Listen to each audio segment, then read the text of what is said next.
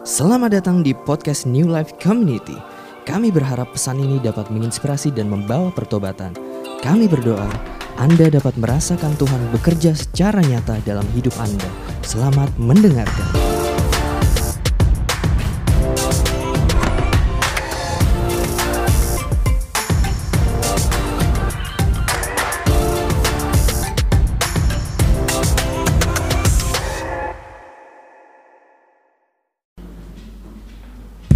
Oke, um, yep, shalom. Um, Shalom. It's the third day, sesi terakhir. Uh, mungkin one thing yang yang gue mau sampaikan adalah uh, put aside, I know it's it's it's very exciting, bener ya. Tiga hari ini very exciting. Ada banyak sekali uh, diskusi, ada banyak games, ada banyak uh, hal yang kita lagi siapin. I know you guys performing dan mungkin beberapa masih lihat video. Should I do this? Do do or bang this way or this 45 minutes just put your mind and heart to the word of God. Oke? Okay? We good with that? Jadi kita masuk ke sesi ketiga di uh, Faith Over FOMO. Uh, judulnya adalah Dissecting the Mind atau atau ngebedah ngebedah cara pikir kita, ngebedah cara pikir kita gitu ya. So yang pertama, kita lihat di 2 Korintus 10. 2 Korintus 10 ayat 3 sampai ke 6 ditulis kayak gini. Memang kami masih hidup di dunia, tetapi kami tidak berjuang secara duniawi. Karena senjata kami dalam perjuangan perjuangan bukanlah senjata duniawi, melainkan senjata yang diperlengkapi dengan kuasa Allah yang sanggup untuk meruntuhkan benteng-benteng. Kami mematahkan setiap siasat orang dan merubuhkan setiap kubu yang dibangun oleh keangkuhan manusia untuk menentang pengenalan akan Allah. Kami menawan segala pikiran dan menaklukkannya kepada Kristus dan kami siap sedia juga untuk menghukum setiap kedurhakaan bila mana ketaatan kamu telah menjadi sempurna. Paulus lagi memberikan surat kepada jemaat di Korintus yang hari-hari itu uh, mereka lebih terbuai dengan ajaran-ajaran yang filosofikal um, karena besar sekali pengaruh dari Yunani. Jadi uh, ajaran Paulus yang sepertinya agak meek, agak terlalu lembek dan terlalu ya semua orang juga tahu gitu. Nah, Paulus lagi ngehajar di situ dan dia bilang bahwa yang penting bukan soal apa yang di apa yang duniawi ya, bukan apa yang terlihat keren, apa yang dipikir keren, tapi yang paling penting adalah pikiran setiap kita itu harus ditaklukkan kepada Kristus. Dan pikiran di dalam pikiran setiap kita dia sebut di sini ada benteng-benteng atau strongholds. Ada strongholds, ada asumsi, ada perspektif yang kamu bawa dari kecil. Kita belajar di tiga hari ini kayak definisi oke okay, kita mau sukses kita FOMO sama orang yang sukses. Tapi ke, definisi kesuksesan itu apa gitu kan ya? How do you define your success? Nah ini hal-hal yang strongholds benteng-benteng yang ada di kepala setiap kita yang kita bawa terus dan bikin kita gampang compare bikin kita bikin kita gampang FOMO so saya bisa bilang kalau saya lagi perhatiin ya uh, if if I observe comparison yang berbahaya tuh bukan terjadi di luar buat saya at least tapi terjadi di dalam pikiran itu lebih bahaya. Kalau kamu di compare sama uh, orang tua kamu, wih saudara lu tuh udah udah sukses gitu ya, udah kerja di sini gitu kan, biasanya kan gitu ya. Gila, lihat gak itu angpaunya aja udah mulai tebel gitu kan ya. Kayak waktu kamu di kalau saya, waktu orang lain mengcompare saya, saya rada nggak peduli. Saya kayak, hey, you don't know me, kayak uh, banyak kok gue nggak perlu umbar-umbarin ke lu. Gue juga uh, beberapa hal juga gue oke, okay, nggak jelek-jelek amat, so I don't care. Tapi kalau comparisonnya terjadi di benteng ini, di pikiran, ini yang lebih sulit bukan? Kayak ini yang ada di kepala lu dan ke play terus gitu. Gue I do not measure up, I do not fit in, I'm not enough, gue nggak cukup, gue underachieve, gue pemalas, gue tidak Eh, seperti saudara-saudara gue, gue berbeda sama orang tua gue. Ini this comparison ini yang lebih berbahaya yang ada di kepala kita. Inilah sebabnya kalau kita mau ngelihat apakah FOMO atau comparison atau serangan kepada pikiran kita ini adalah sesuatu yang baru dan jawabannya easy tidak. Jadi kalau mau ngelihat segala sesuatu, hampir segala sesuatu itu prinsipnya bisa dilihat di awal. By this I mean di kejadian. Jadi kalau kamu mau tahu desain manusia itu gimana, seharusnya itu ada di kejadian. Desain bumi itu gimana, seharusnya ada di kejadian. At the same time, kalau kamu mau tahu gimana caranya iblis menyerang pikiran kamu, itu juga ada di kejadian. Di kejadian tiga, seperti yang teman-teman tahu, saya nggak akan buka ayatnya. You, I assume by now kamu udah cukup tahu gitu ya. Adam dan Hawa tinggal di, ta di Taman Eden. Ada ada pohon yang tidak boleh dimakan. Uh, buah pengetahuan baik dan jahat dan dan pohon kehidupan itu nggak boleh dimakan. Tuhan udah bilang semuanya boleh kecuali yang dua ini. So ada iblis datang. Problemnya kayak gini. Kalau kamu lihat ya, ini satu satu pengamatan uh, atau sesuatu pattern yang kamu lihat di sepanjang Alkitab. Iblis nggak bisa ngerebut tamannya, bener gak? Nggak bisa. Dia nggak punya cukup power. Iblis sama Tuhan tuh not on the same level, you know. Kalau kamu lihat gambar tinju kayak Yesus sama setan itu kayak omong kosong gitu. They're not on the same grade, not on the same level. Makanya waktu Yesus bilang, kamu masuk ke babi, emang dia negosiat, emang dia kayak ngelawan, eh sini maju lu gitu, enggak kan? Enggak, enggak, enggak kan? Dia langsung nurut, kenapa? Karena they are not on the same level, you know. Kayak enggak, enggak, enggak selevel. Bahkan iblis aja waktu mau gangguin Ayub dia, permisi dulu, dia izin dulu, bos boleh nggak dicolek dikit nih, ini saleh gara-gara lu jagain gitu kan. Terus Allah yang kayak punya segala pengetahuan dia bilang silakan. Ya kan? Silakan dia tahu kapasitasnya Ayub, dia tahu apa yang dia perlengkapi buat Ayub. So go ahead. Tapi kamu kalau kita perhatiin, iblis tidak bisa menderail kita atau membawa kita keluar dari tracknya Tuhan. Amin. Tapi bisa terjadi kalau kita participate sama iblis. Ular nggak ngelilitin tangan Hawa terus ah bergerak sendiri. Terus diambil gitu. Enggak enggak enggak dia cuma ngomong. Dia lempar kan. Dia lempar hal-hal yang pembohongan-pembohongan publik gitu. Hawa mulai pikir-pikir gitu ya. Udah ngelihat ular ngomong aja udah nggak lari udah aneh gitu step satu kan. You should run gitu kan ya. Nggak lari dia denger dengerin dia bener juga ya. Oh kok enak ya buahnya? gitu kan. Kayak kok kayaknya enak ya? Diambil sama dia. So The only way the enemy can derail us dari God's plan kalau kita participate. Dan ini nggak cuma ada satu, ini ada beberapa. Kalau kamu lihat siapa lagi? Musa, Salomo, Daud. Nggak bisa, iblis tuh nggak bisa kayak attack terus kayak bikin lu kayak lumpuh gitu. Kayak they, they cannot do that. Dia nggak punya cukup power untuk kalahin protection yang Tuhan berikan buat kamu. But dia bisa lempar yang tadi ya, apa namanya? Pikiran-pikiran. Terus kamu entertain? Iya juga ya. Iya nggak? Ya kan malam-malam iya juga ya. Kok Tuhan gitu banget sama gue kok gue pelayanan begini lama? Why me? That's the question kan. Karena waktu lu dipromot lu nggak pernah nanya why me bener gak tapi waktu lu sakit waktu lu kehilangan anggota keluarga why me Lord? Ya tapi kalau juara something ya kita nggak pernah nanya why me. So this is the problem. Jadi si iblis ini akan selalu berusaha mendirail kita dari dari uh, rencananya Tuhan. Nah it's uh, Martin Luther the the the the theologian bilang kayak it's kemarin disampaikan juga it's one thing kalau ada lu ke jatuhan tai burung. It's another thing kalau lu biarkan burung itu bersarang. So satu pengamatan ini kena banget buat saya. It's one thing untuk jatuh ke dalam dosa. Tahu jatuh ya? Kepleset gitu kan jatuh kan. It's another thing untuk terus kayak lu ngesot-ngesot doang di bawah gitu. Nggak bangun-bangun lagi dan enjoy kejatuhan dan jurang dan lumpur. Aduh jatuh ke lumpur, ah tidak gitu, putar-putar. It sounds funny tapi look at your and my sin life. Kehidupan dosa kita kayak gitu gak sih? Ya semua juga tahu nggak boleh gibah. Semua juga tahu nggak boleh fitnah. Semua juga tahu uh, pornografi itu dosa. Kita jatuh atau tinggal. It's one thing untuk jatuh, it's another thing untuk lu jatuh kemudian kayak ah kok enak ya gitu ya. Kok nggak ada konsekuensinya ya? Dan lu terusin. Sih, ini adalah dua hal berbeda karena cukup iblis lempar-lemparkan beberapa hal dan kita akan kalah. Di 2 Korintus 2, 2 Korintus 2, saya bacain bahasa Inggris ya karena lebih lebih kena.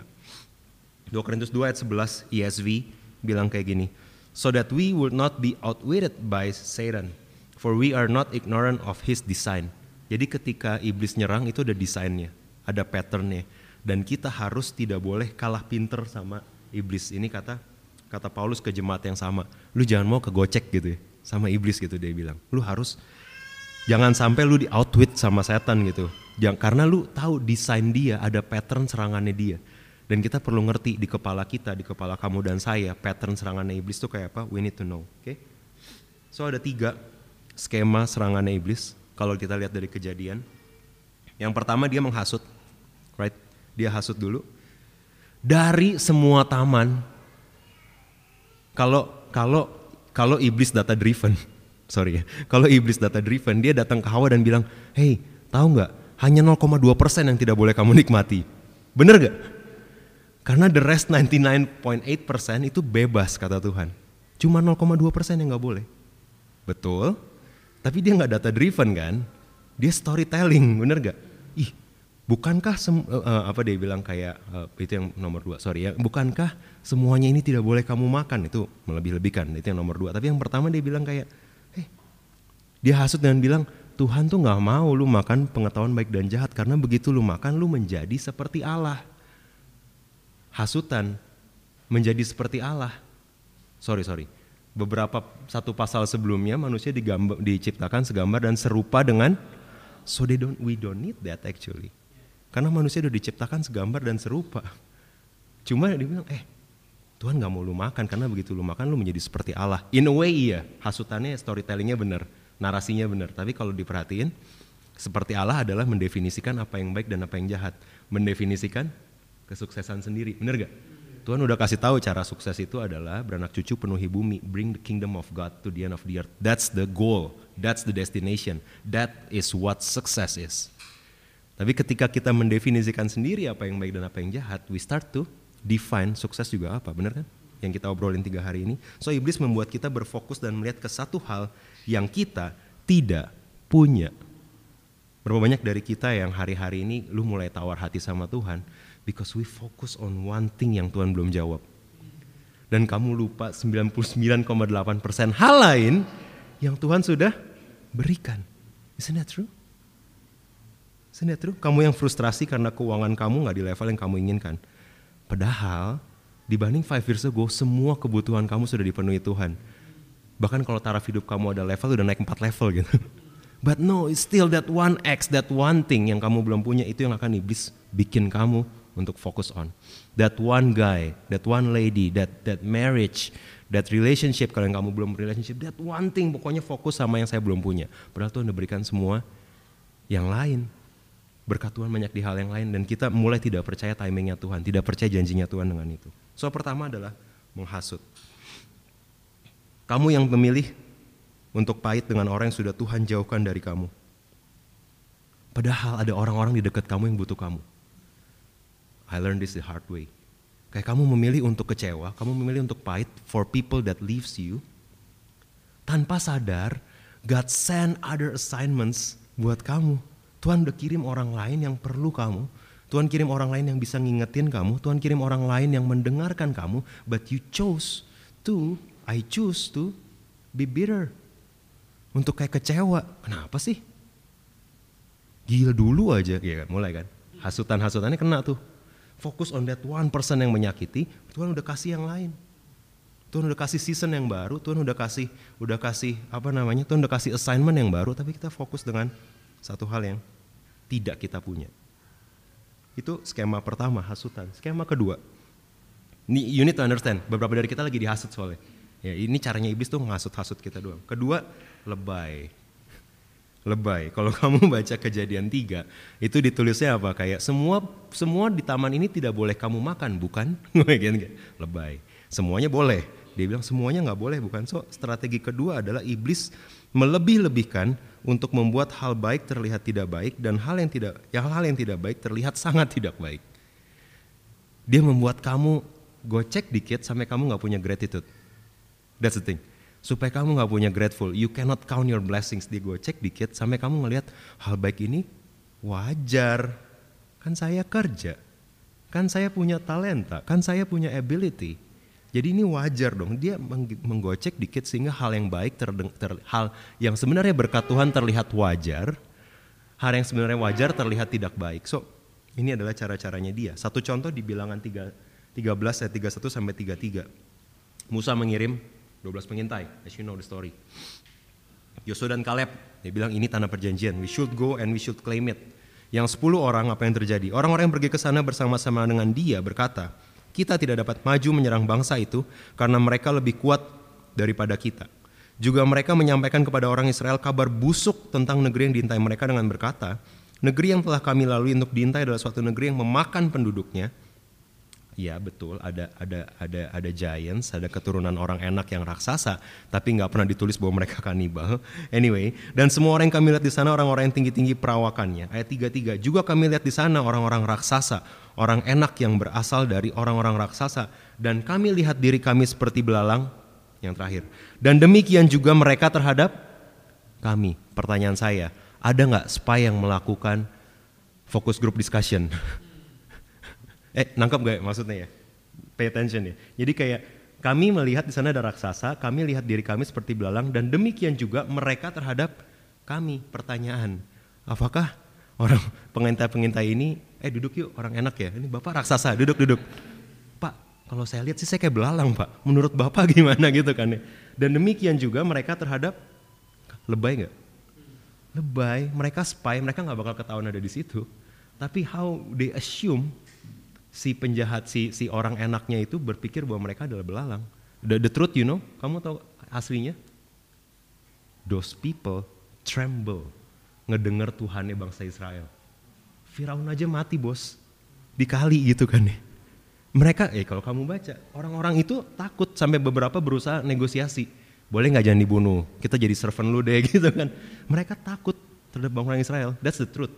Tapi iblis melebih-lebihkan, kena nih orang 10 orang ini kena di kepalanya, oh we are too small. Kami terlalu kecil di mata di mata mereka, mereka melihat kami kayak belalang, mereka juga setuju. Kami bilang kami belalang, mereka setuju gitu. You know, sering kali bukan masalah besar yang membuat kita keluar dari jalurnya Tuhan. Iya gak sih? Come on, kalau ada masalah besar lu biasanya ke gereja. Kalau gue habis ditipu, habis putus, habis punya dosa gede ke gereja kan Tuhan ampun, saya tidak punya apa pun selain Engkau Tuhan itu kan ya. I mean, kalau lu punya masalah besar lu cari Tuhan. Kalau lu didatengin genderuwo gitu kan lu cari Tuhan. Ya Tuhan Yesus itu kan ya. Tapi biasanya yang bikin kita keluar dari trail er, dari railnya Tuhan itu bukan masalah besar, tapi pemikiran kecil yang kita biarkan bersarang, isn't that true? Satu hal yang gak tentu benar, satu asumsi, satu kecurigaan, satu jealousy, satu kepahitan kecil yang orangnya juga gak mikirin lo anyway, itu yang kamu biarkan bersarang dan itu yang jadi masalah besar. We good. Karena ini strateginya iblis untuk selalu melebih lebihkan. Masih oke okay ya?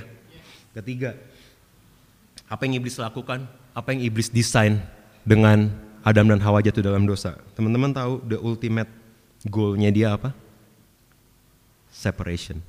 Ultimate goalnya iblis yang tercapai dengan jatuhnya Adam dan Hawa dalam dosa adalah keterpisahan Adam dan Hawa dari hadirat Tuhan. Itu yang paling penting. Jangan kegocek sama buahnya, jangan kegocek sama tamannya.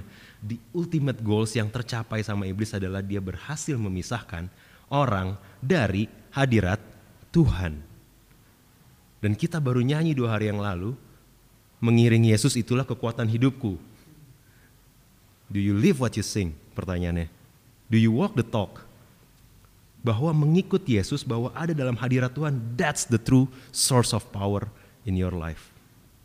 Amin. Jadi iblis merancangkan pemisahan antara kita dengan source kita.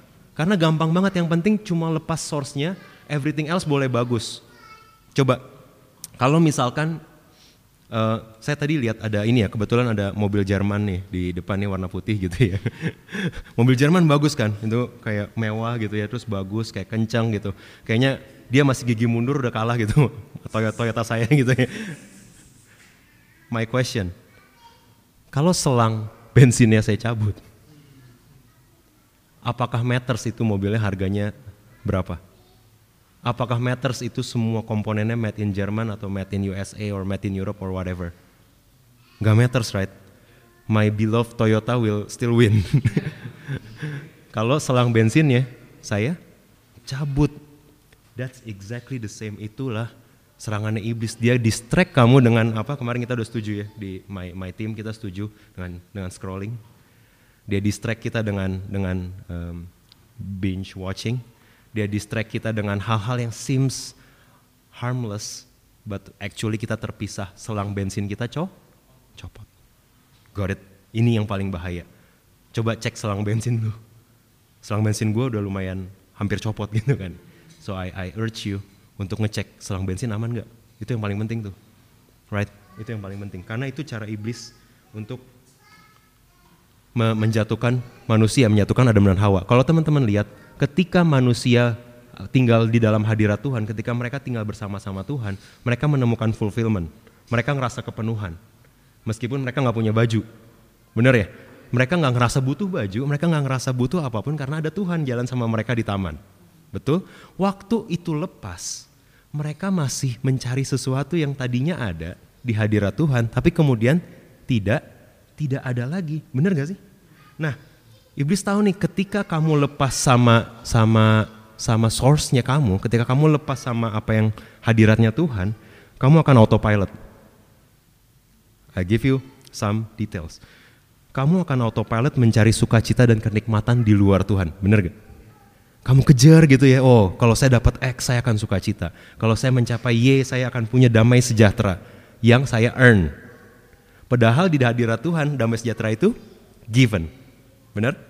Right? Jadi ketika lepas tuh kita jadi autopilot, jadi nyari, kita tetap nyari karena we need that. Kita tetap nyari sukacita, tetap nyari kenikmatan, tapi kita cari dari dunia.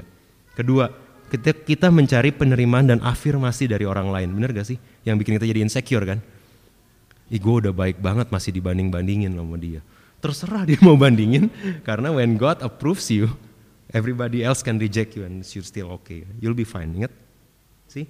Ketiga, kita mencari autopilot, mencari kedamaian dari dunia. Ketika kita lepas dari Tuhan, kita nggak punya peace, kita mulai cari sana, cara sini, cari sini. Apakah kerjaan baik akan memberikan saya damai? Apakah sampai uh, penghasilan X memberikan saya damai? Apakah punya orang yang mengasihi saya akan memberikan saya X? Apakah punya anak akan memberikan saya X? And the answer is no. Akan memberikan saya, sorry, kedamaian. Apakah those things, those acts can give me peace? The answer is no.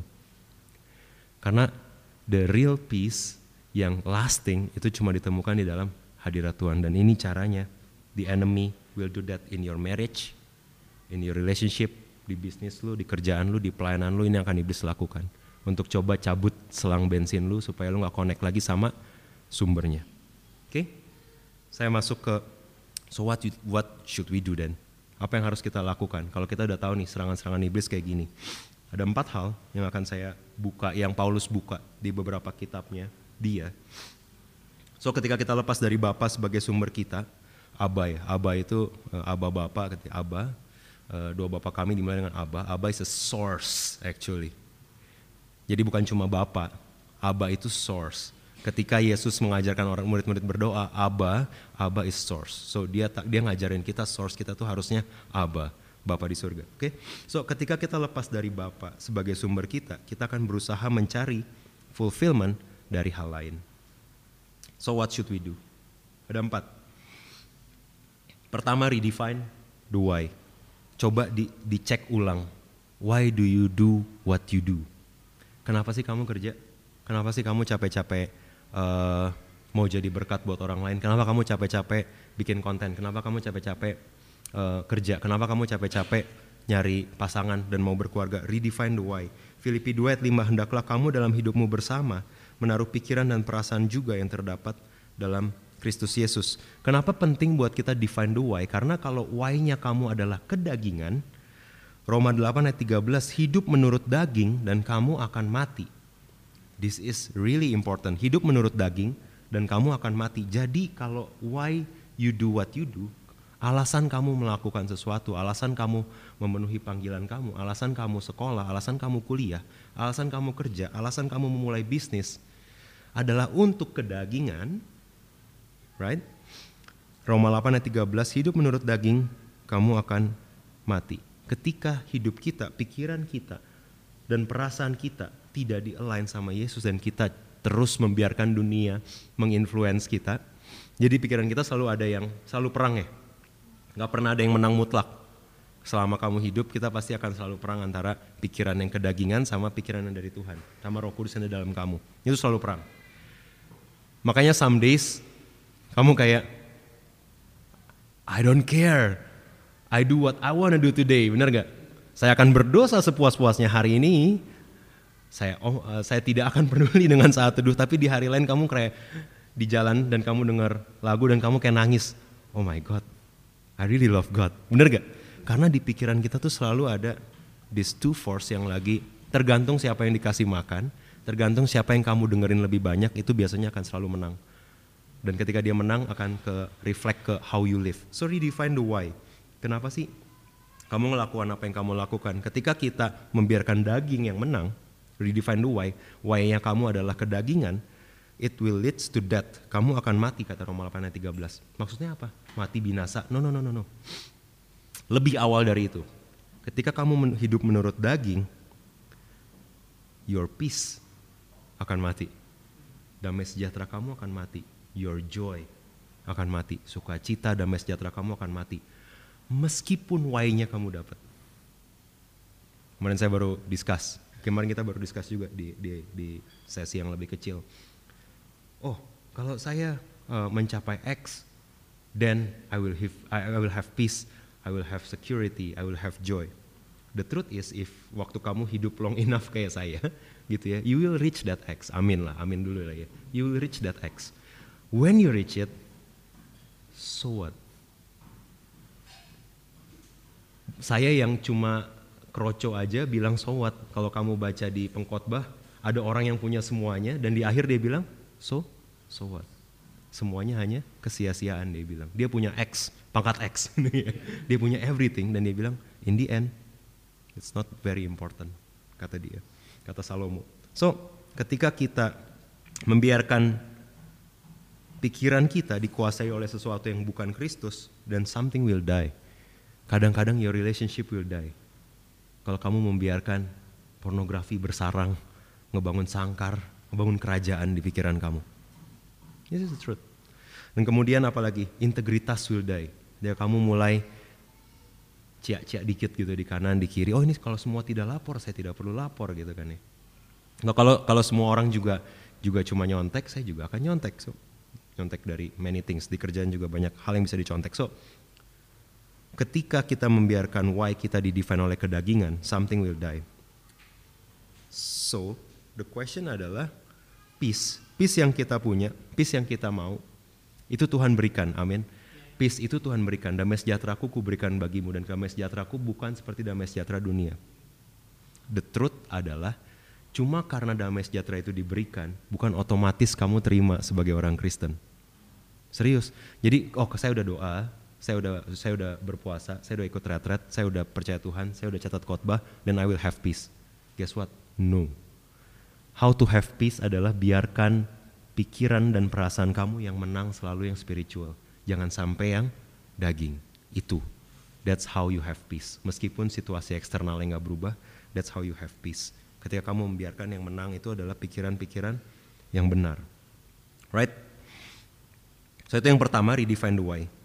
Kedua, defend the mind. 2 Korintus 10 ayat 5, kami mematahkan setiap siasat orang dan merubuhkan setiap kubu yang dibangun.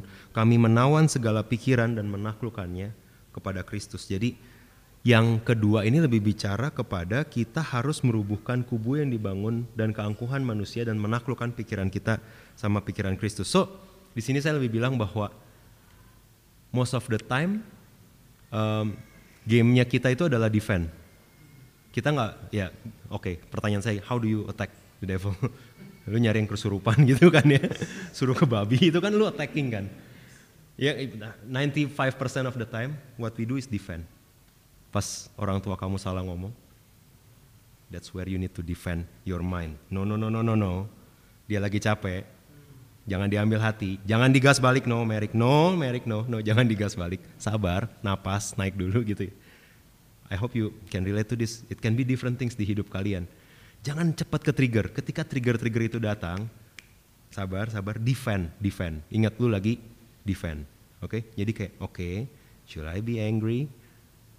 Apakah ini worth it untuk gua hilang peace gua over this stuff?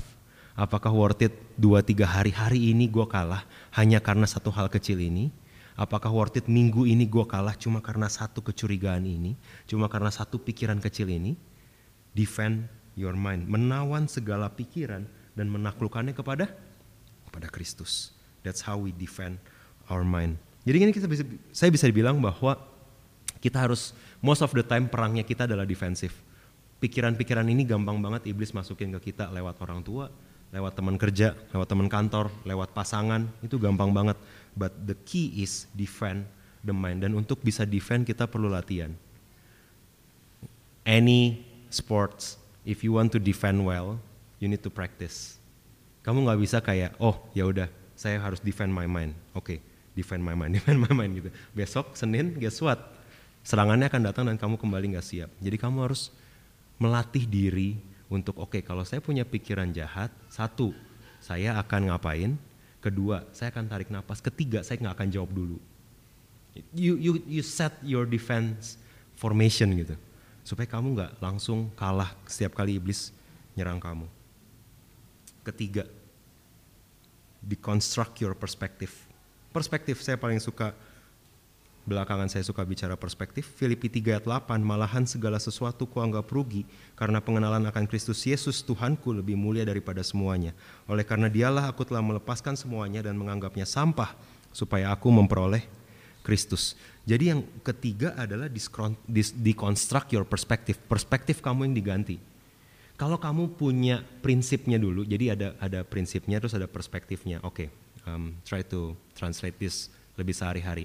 Jadi ada fondasinya dan ada pilarnya. Is that right? That's right. Ada fondasinya dan ada pilarnya. Fondasinya adalah Allah turut bekerja dalam segala hal mendatangkan kebaikan bagi mereka yang mengasihi dia. Itu fondasinya. Kalau kamu get the foundation right, kalau kamu nggak mempertanyakan Tuhan, aduh gue dosa nih, sih mobil gue diserempet, pasti nih gara-gara gue pornografi nih gitu kan. Tuhan langsung nih nyerempet mobil gue gitu kan ya melalui supir bajai itu gitu. No, but the, the reality Tuhan gak bekerja dengan cara kayak gitu. Guys, Tuhan bukan Tuhan yang merancangkan kecelakaan. Amin. Tuhan Tuhan yang baik. I, I'm sure kita akan surprise pas ketemu Tuhan seberapa baiknya Tuhan. We'll be very surprised. Gue yang kayak gini, gila nih orang baik banget, gue cupu banget gitu ya. Kenapa gue gak bisa ngejawab kebaikan dia? I think we'll be surprised one day waktu kita sama-sama ketemu lagi, amin. Sama Tuhan dan kita akan, oh my God, I'm too stupid back then gitu ya. Dan Tuhan baik banget. So, deconstruct your perspective. Ketika kamu ditolak, ketika kamu di reject dari satu perusahaan, di reject tiga orang, empat orang, gitu ya. Kamu ketika kamu di reject, itu adalah ganti perspektif rejection itu adalah arahan Tuhan ke arah yang lain gitu. Iya gak sih? Kalau kamu ditolak di sini, it's not for you. Karena kamu dekat sama Tuhan ya. Bagi mereka yang mengasihi dia, jangan lupa ya bagian terakhir. Buat mereka yang mengasihi dia, setiap rejection kamu itu adalah Tuhan lagi ngarahin kamu ke something better. Amin. Setiap kali kamu di reject, setiap kali kamu gak dapat apa yang kamu mau, setiap kali doamu belum dijawab, Tuhan lagi either nge nge ngarahin kamu ke something better, atau Tuhan lagi jagain kamu. Dua hal itu yang saya pelajari di kehidupan saya yang setahun dua tahun lebih tua dari kalian. Eh, satu dua show lebih tepat ini. Tapi itu yang Tuhan ajarin. Waktu Tuhan nggak jawab, dia tuh either lagi ngarahin kamu ke something better yang kamu belum kepikiran, atau dia lagi lindungin kamu dari something dari diri kamu sendiri most of the time.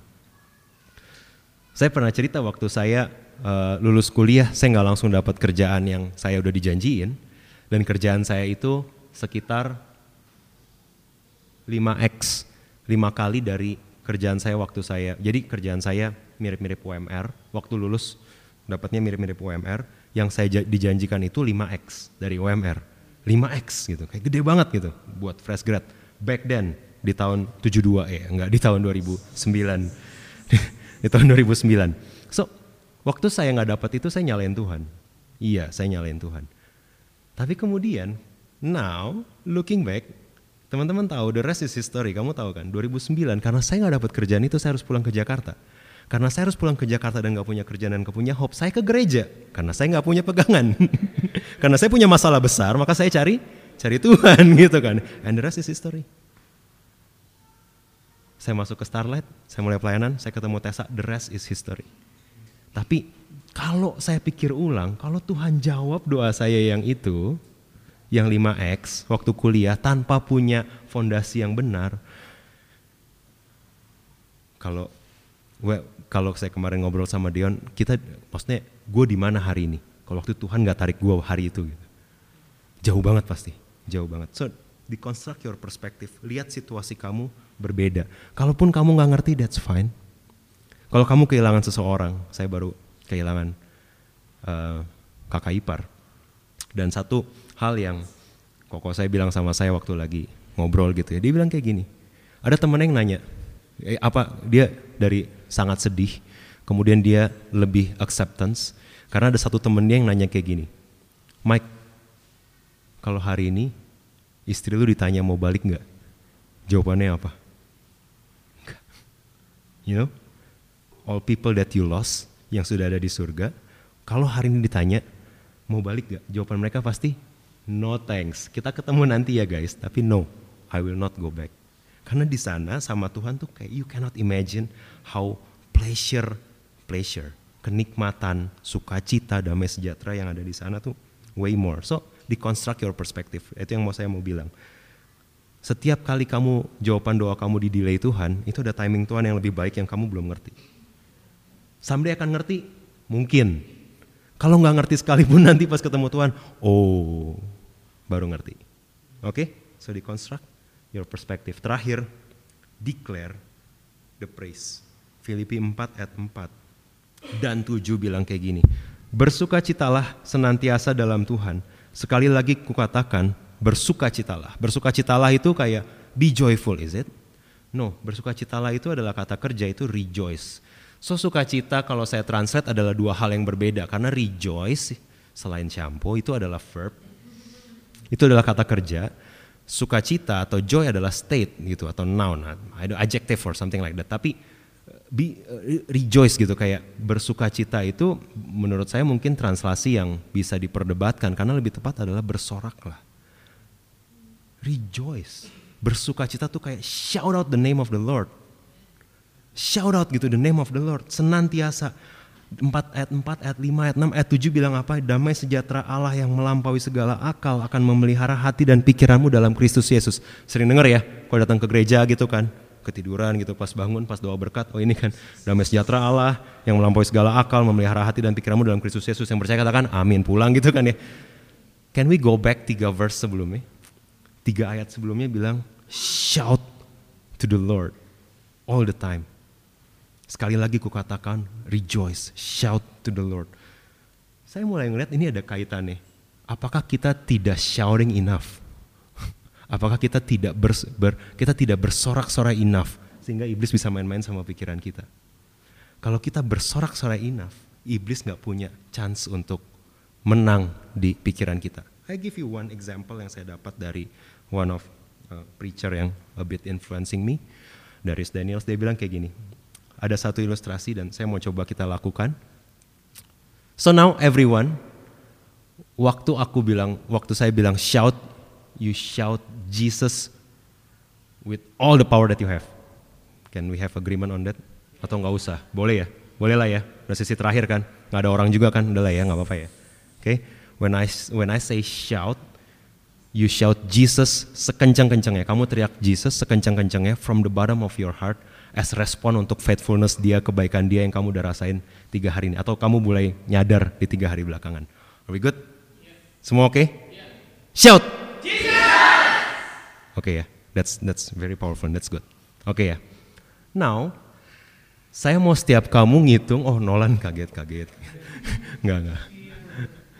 Sekarang saya mau setiap kamu ngitung, saya mau setiap kamu ngitung di kepala, harus selesai, take your time, pakai tempo, hitung dari 1 sampai 10. Oke? Okay?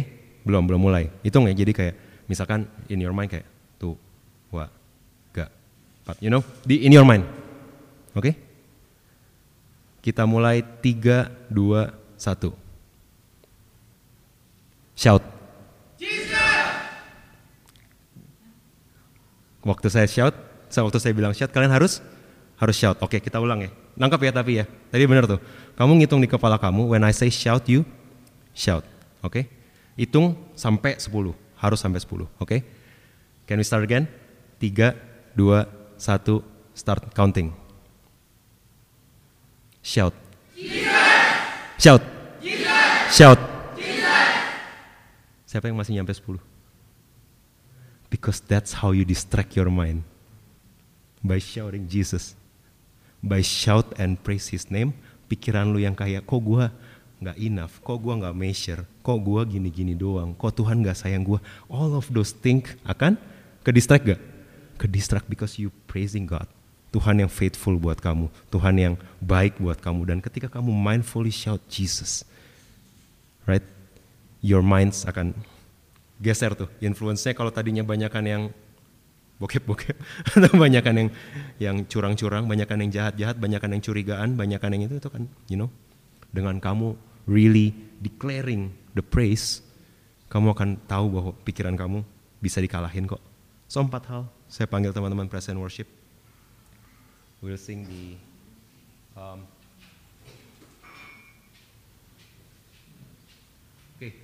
so empat hal saya akhiri dengan uh, summarizing this. You guys learn something tiga hari ini? So, these four things. Redefine why kamu. Jangan sampai yang influence kepala kamu tuh lebih banyak adalah hal-hal yang kedagingan dibanding hal-hal yang dari Kristus. Kedua, defend your mind.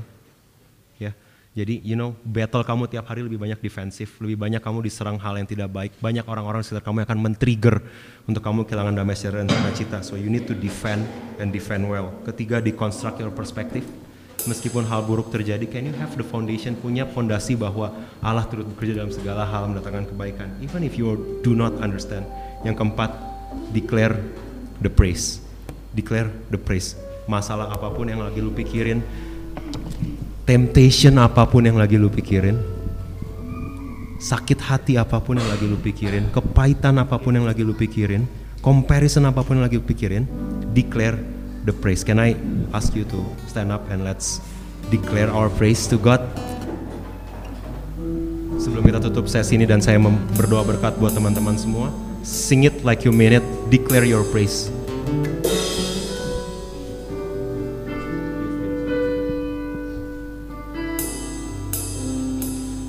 Terima kasih sudah mendengarkan podcast ini. Kami berdoa Anda diberkati melalui pesan yang telah disampaikan. Mari sapa kami melalui Instagram @newlifec dan bagikan pesan ini supaya lebih banyak orang yang diberkati.